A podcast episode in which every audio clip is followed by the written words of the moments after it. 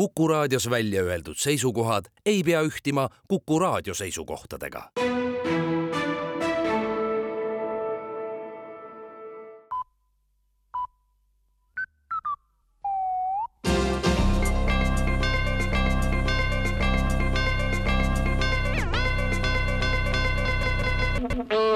eetris on uudised ja stuudios Rohke Debelak rahandusministeerium on alustanud vajalike seaduste ettevalmistamist, mis keskenduvad ümbrikupalga teemale mis majandussurutise tingimustes üha enam päevakorda on kerkimas. Kui üleminek ümbrikupalgale veelgi enam hoogustub, siis tuleb ministeeriumi sõnul keskenduda ümbrikumaksude kehtestamisele. praegu on ümbrikupalk ebaseaduslik, kuid kui ümbrikupalgad oleks võimalik maksustada, siis oleks rahul nii riik kui ka tööandja ja ettevõtja kui ümbrikupalk muutub valdavaks, siis tuleb mõelda üldse ümbrikuriigi kehtestamisele ja kokkuhoid näiteks Maksuameti kaotamise pealt oleks märkimisväärne. ümbrikuriigi kehtestamise korral maksaks riigi kodanik kõikide riigiteenuste eest ümbrikuga otse teenuse pakkujale, on selleks siis arst, politseinik, päästetöötaja, sõdur või õpetaja või mõni muu riigiteenuse osutaja, kaasa arvatud Riigikogu ja ümbrikuvalitsus riigikontroll aga tegi kindlaks, et paljudes omavalitsustes vohab korruptsioonivastase seaduse vastu eksimine, aga see ei ole siiski sihikindel ja kuritegelik, vaid peamiselt põhjustatud ametnike teadmatusest. Paljud ametnikud ei teadnud vastavatest seadustest lihtsalt midagi, sest suur tööhulk ei ole võimaldanud seadusi lugeda.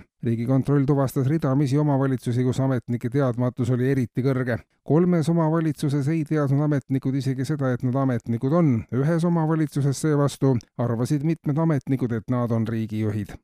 ja mitmesugust. valitsus otsustas Keeleinspektsiooni kõrvale luua uue valitsusasutusena ka Mõtteinspektsiooni kui Keeleinspektsioon jälgib keeleseaduse ja teiste keeleoskust ja keelekasutust reguleerivate õigusaktide täitmist, siis Mõtteinspektsioon hakkab jälgima loodava mõtteseaduse ja teiste mõttekasutust reguleerivate õigusaktide täitmist keelekasutusega on siiani mitmel elualal suuri probleeme, kuid valitsuse sõnul on inimeste mõttemaailmas veelgi suuremaid vajakajäämisi, mis otseselt siis ka keeles kajastuvad. loodav mõtteseadus sätestab mõtlemisele ja mõttekasutusele kindlad reeglid ja raamistiku, mis loodetavasti aitavad inimestel oma mõtteid korrastada, hoida oma mõtted valitsusega rohkem ühel lainel. mõtteseadus aitab vähendada mõttetuste hulka riigis ja mõttetute inimeste arvu, soodustab mõttesse jäämist mõtteinspektsiooni volitusi on Keeleinspektsiooni omadega võrreldes plaanis ka oluliselt suurendada.